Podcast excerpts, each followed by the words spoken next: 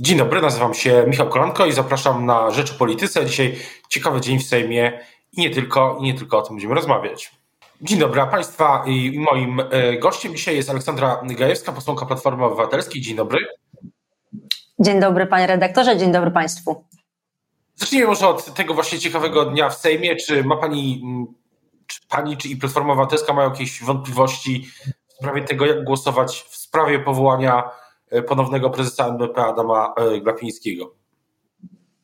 Myślę, że każda zdrowomyśląca osoba, która mm, chociaż raz w ostatnim czasie była zrobić zakupy, która ma jakiekolwiek zobowiązanie kredytowe i musi je spłacać, e, doskonale zdaje sobie sprawę, że mamy do czynienia z gigantyczną drożyzną e, i ma świadomość tego, jak bardzo wzrosły koszty rat kredytowych. E, I osobą odpowiedzialną między innymi za te wzrosty jest prezes Glapiński. I my nie mamy absolutnie wątpliwości, że jest to osoba, która nie strzeże interesów e, Polaków, e, ich dobrobytu, zasobności portfeli, tylko jest to osoba, która broni interesów swoich partyjnych liderów, e, czyli PiSu. Bo przez to, że mamy tak wysoką inflację na, na poziomie 12%, rządzący mm, wzbogacają się i do osłabienie złotówki powoduje, że do kasy, do budżetu państwa wpływa coraz więcej pieniędzy e, i na tym rządzący zyskują, a my tracimy. Czy uważa Pani, że do tego głosowania dzisiaj w ogóle dojdzie? Czy PiS ma, ma większość do, do niego? Wczorajszy dzień pokazywał nam to, że jest ogromne zamieszanie e, i popłoch, i właściwie była łapanka w poszukiwaniu jakiegokolwiek posła, który mm, nie zagłosuje razem z opozycją, który wprowadzi jakikolwiek e, zamieszanie i zwrot, e, zwrot akcji. Pojawiały się w kuluarach informacje na temat tego, jakie są oferty tym osob, do tych osób kierowane. Także wydaje się, że nie jest tak pięknie, jak opowiadają o tym politycy e, Zjednoczonej Prawicy, że są na to przygotowani i, i właściwie wszystko jest już klepnięte i mają większość. E, tylko jest tak, jak mówi się już właściwie od wczoraj wieczorem i dzisiaj rano, e, czyli że prawdopodobnie posiedzenie Sejmu zostanie przerwane e, i Sejm będzie zwołany znowu w przyszłym tygodniu, e, a PiS kupuje ten czas po to, żeby pracować właśnie nad e, posłami i namówić ich na to, żeby Glapińskiego ponownie wybrać, bo tak jak powiedziałam, PiS, PiSowi Glapiński prezes NBP się po prostu opłaca.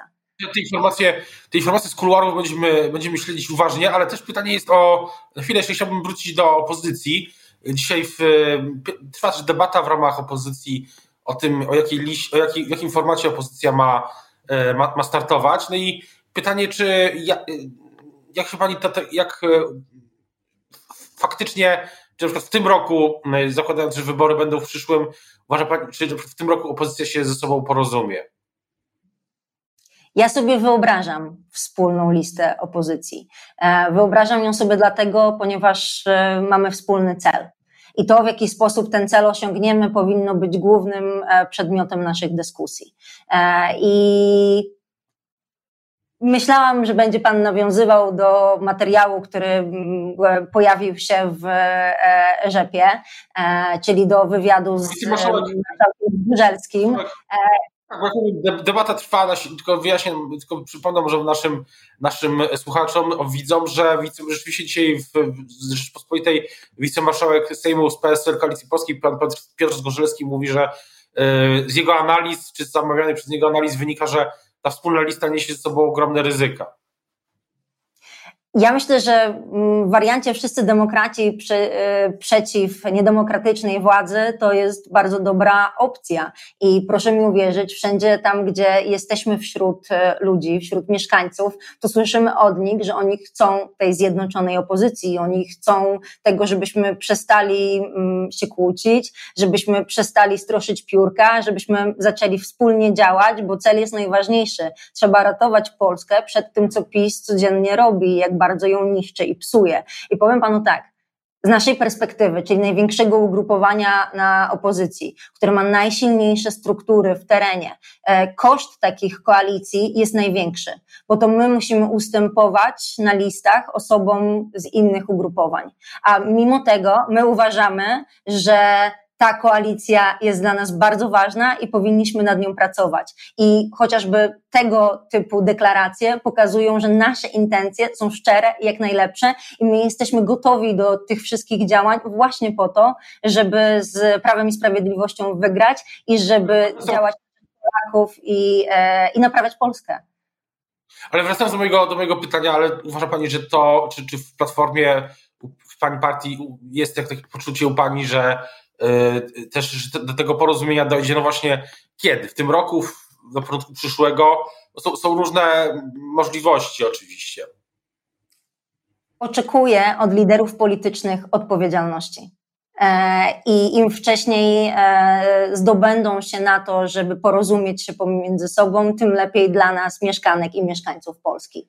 E, I im dłużej będzie trwała taka sytuacja, że będą przepychanki i będziemy próbować dzielić opozycję na różne bloki, to zawsze będzie podział. Będziemy mówić o tym, że a jedni są ideowo tutaj, drudzy są ideowo tam. Jak ma wyglądać jakiś blok chrześcijański? Kto ma go tworzyć? Joanna Mucha, która jest, była naszą posłanką, bardzo progresywną, progresywną w kwestii praw kobiet, dostępu do aborcji i tak dalej, która w tej chwili jest u Szymona Hołowni, czyli to ma być trzon tej e, e, chrześcijańskiej, e, chrześcijańskiego bloku. Ja uważam, że to są jakieś zabiegi polityczne, które, które są wykorzystywane przez liderów politycznych po to, żeby przez chwilę skupić uwagę państwa, mediów na ich działalności. A ja oczekuję, tak jak powiedziałam, odpowiedzialnych działań, oferty dla Polek i Polaków, która będzie ich przekonywała do tego, że ci politycy są rozsądni, sensowni, odpowiedzialni i wezmą za Polskę odpowiedzialność. I im szybciej my ich przekonamy do tego, tym będziemy bardziej wiarygodni. Oni tego od nas oczekują, my jesteśmy im to winni. Także apeluję naprawdę, czyli weźcie się w garść, weźcie się do roboty i zacznijmy razem pracować. Czyli przestańmy zachowywać się w ten sposób, że my i nasze interesy są w tej chwili najistotniejsze. Najważniejsze interesy to są Polek i Polaków, a my jesteśmy tutaj po to, żeby o nie walczyć, żeby je reprezentować i ich bronić. A dzisiaj trzeba ich bronić przy tej władzy. A myśli Pani, że, będzie, że, te, że te wybory mogą być wcześniej? Bo w ostatnich tygodniach w zasadzie nie ma dnia, żeby w mediach nie pojawiły się spekulacje co do wcześniejszych wyborów. Ja akurat uważam, że, że nie, że, że będą w przyszłym roku. Są takie spekulacje i zupełnie szczerze musimy być absolutnie przygotowani na to, że te wybory mogą być w każdej chwili i musimy być gotowi do tego i pokazywać wyborcom, że my jako opozycja, kiedy by te wybory nie nastąpiły, e, jesteśmy gotowi do tego, żeby walczyć o wygraną zwarci, gotowi, zmobilizowani, mamy program, mamy propozycje, e, wiemy, co chcemy robić, bo bez tej gotowości nie jesteśmy w stanie przekonać ich do tego, żeby nam zaufali.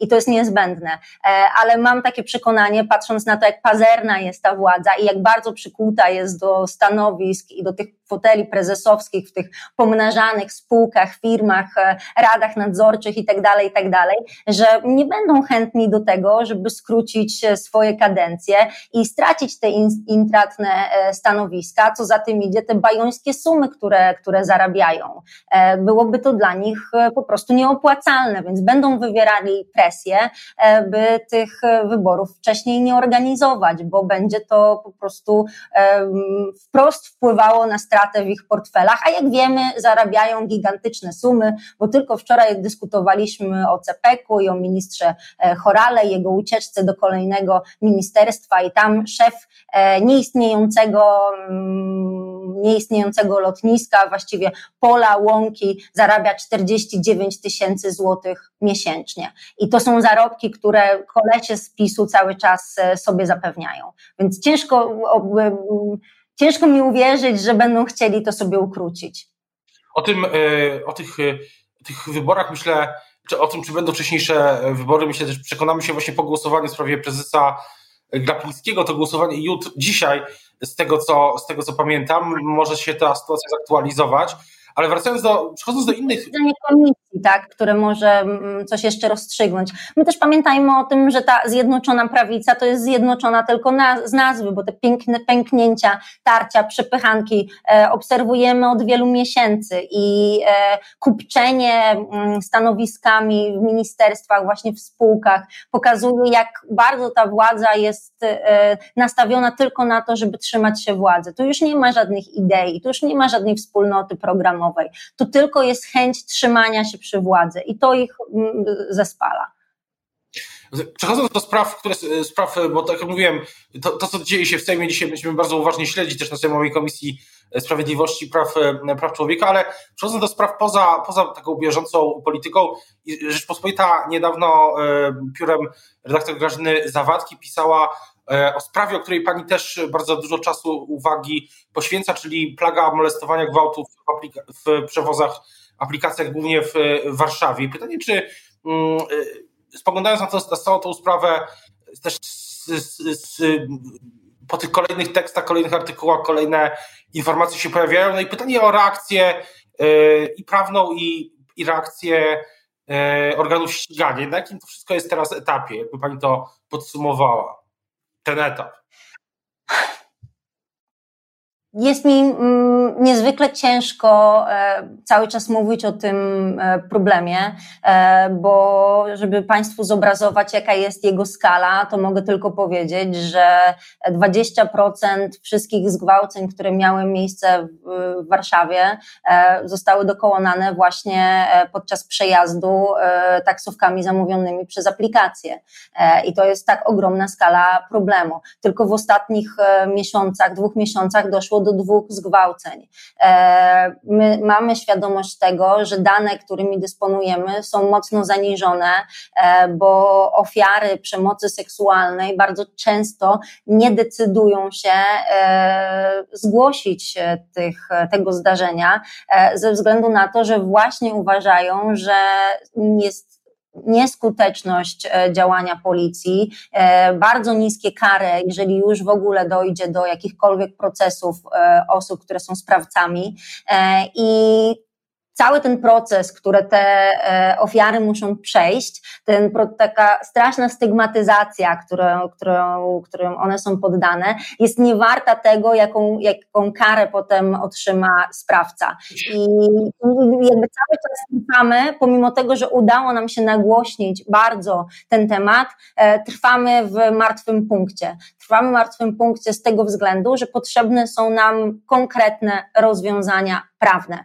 Zauważyliśmy, a mieliśmy na początku nadzieję, że kiedy wyciągniemy te wszystkie dane, pokażemy je, to firmy, które mm, pośredniczą pomiędzy mną a takim, e, takim taksówkarzem, e, wypracują mechanizmy, które zagwarantują nam pełne bezpieczeństwo. I te firmy w jakiś tam sposób działają, ale nie w taki, żeby można było powiedzieć, że mamy pewność, że ta, to bezpieczeństwo jest nam zagwarantowane. I ja dzisiaj nie mam wątpliwości, że potrzebne są zmiany prawne. Właśnie, pytanie co, czy na przykład chodzi o zaostrzenie też y, kar, czy zmianę, mm, czy, in, czy może, może w inną stronę trzeba pójść, albo jednocześnie y, i na przykład y, musi zmienić się sama, sama organy ścigania, zwłaszcza policja, bo, bo to jest, ta debata trwa już kilka, kilka, kilka miesięcy, kilka tygodni mm. i, i wydaje się, że ciągle odkrywamy nowe, ciągle odkrywane są i przez dziennikarzy, i przez panią, przez aktywistów, aktywistki, no, ciągle są i nowe, nowe elementy i to jest bardzo, mm, e, no, bardzo niepokojące. Absolutnie, bo każda kobieta, kolejna kobieta, która doświadcza tego, e, tego typu przemocy, e, jest traumatyzowana i wszystkie dziewczyny, z którymi miałam okazję rozmawiać, muszą korzystać ze specjalistycznej pomocy i ich, ich życie już nigdy nie jest takie samo. One już nigdy nie wychodzą swobodnie wieczorami, już nigdy nie mają takiego luzu. E, jeżeli w ogóle można mówić o tym, że one normalnie dalej funkcjonują, bo wiele potrzebuje po prostu specjalistycznej pomocy, często terapii, leków stałej, stałej pomocy i mówimy o bardzo, bardzo poważnych przypadkach. Więc potrzebne są zmiany prawne i te zmiany prawne powinny przede wszystkim dotyczyć tego, w jaki sposób zorganizowany jest system taksówkarski. I nie może mm, być tak, że dzisiaj nie mamy mm, kontroli nad tym, kto prowadzi samochód, do którego wsiadamy, a wystarczy mieć czterocyfrowy kod, e, żeby zastąpić koleżankę czy kolegę za kółkiem. I e, jest bardzo niska skuteczność, jeżeli chodzi o sprawdzanie e, w czasie rzeczywistym, kto samochód prowadzi. To jest pierwsze zagrożenie. Kolejne, kolejne kwestie to jest oznakowanie samochodów, które sami doświadczamy tego, że nie jest dotrzymywane zgodnie z obowiązującymi przepisami, czyli boczne oznakowania, górne oznakowania, widoczny identyfikator kierowcy i, i tak dalej, i tak dalej. Znaczy, to nie może być tak, że mm, ci pośrednicy aplikacje przerzucają odpowiedzialność na pasażerkę czy pasażera, że oni mają wsiąść i sprawdzić, czy tu wszystko jest w porządku. Nie, ja wsiadając do mm, samochodu mam mieć pewność, że wszystko zostało mi, jeżeli chodzi o kwestie bezpieczeństwa, zapewnione, a tutaj tak nie jest. Jest kwestia e, wydawania tych e, licencji identyfikatorów. Nie ma w ogóle warstwy cyfrowej. Mogłoby spokojnie być to wprowadzone, mogłaby być baza danych, danych, która pozwala sprawdzać tych kierowców. E, dzisiaj są wymagane na przykład informacje dotyczące tego, czy ktoś jest był karany, ale nie mamy informacji na temat tego, czy wobec danej osoby toczy się jakiekolwiek postępowanie. Czyli jeżeli wobec danej osoby toczy się postępowanie, nie ma e, pośrednik o tym wiedzy, może jeździć taksówką, ja mogę do, tej, do takiego kierowcy wsiąść. Znaczy jest masa rzeczy, o których mogłabym tutaj mówić, które należy usprawnić, ale po prostu musi się to znaleźć w ustawie, e, a potem musi być szereg tych rzeczy, które dotyczą organów ścigania i wymiaru wymiaru sprawiedliwości, który będzie udowadniał, że to ofiarę trzeba chronić, że to ofia ofierze należy pomóc po tego typu zdarzenia i to stygmatyzowany będzie sprawca i sprawca wie, że jest coś takiego jak nieuchronność kary. No bo to jest e, jedno z tych, e, jeden z elementów tej, tej debaty, który wydaje się jednym z tych bardziej szokujące jest właśnie to, o czym pani mówiła przed chwilą, że wydaje się, że odwrócone są proporcje przy takich, y, nie tylko przy tych oczywiście, ale też, przy, przy, zwłaszcza teraz to widać, że odwrócone są pewne proporcje. Tak jak pani mówiła, to ofiara jest stygmatyzowana, a nie sprawca. Y, dla mnie to jest y, coś bardzo uderzającego w tej debacie.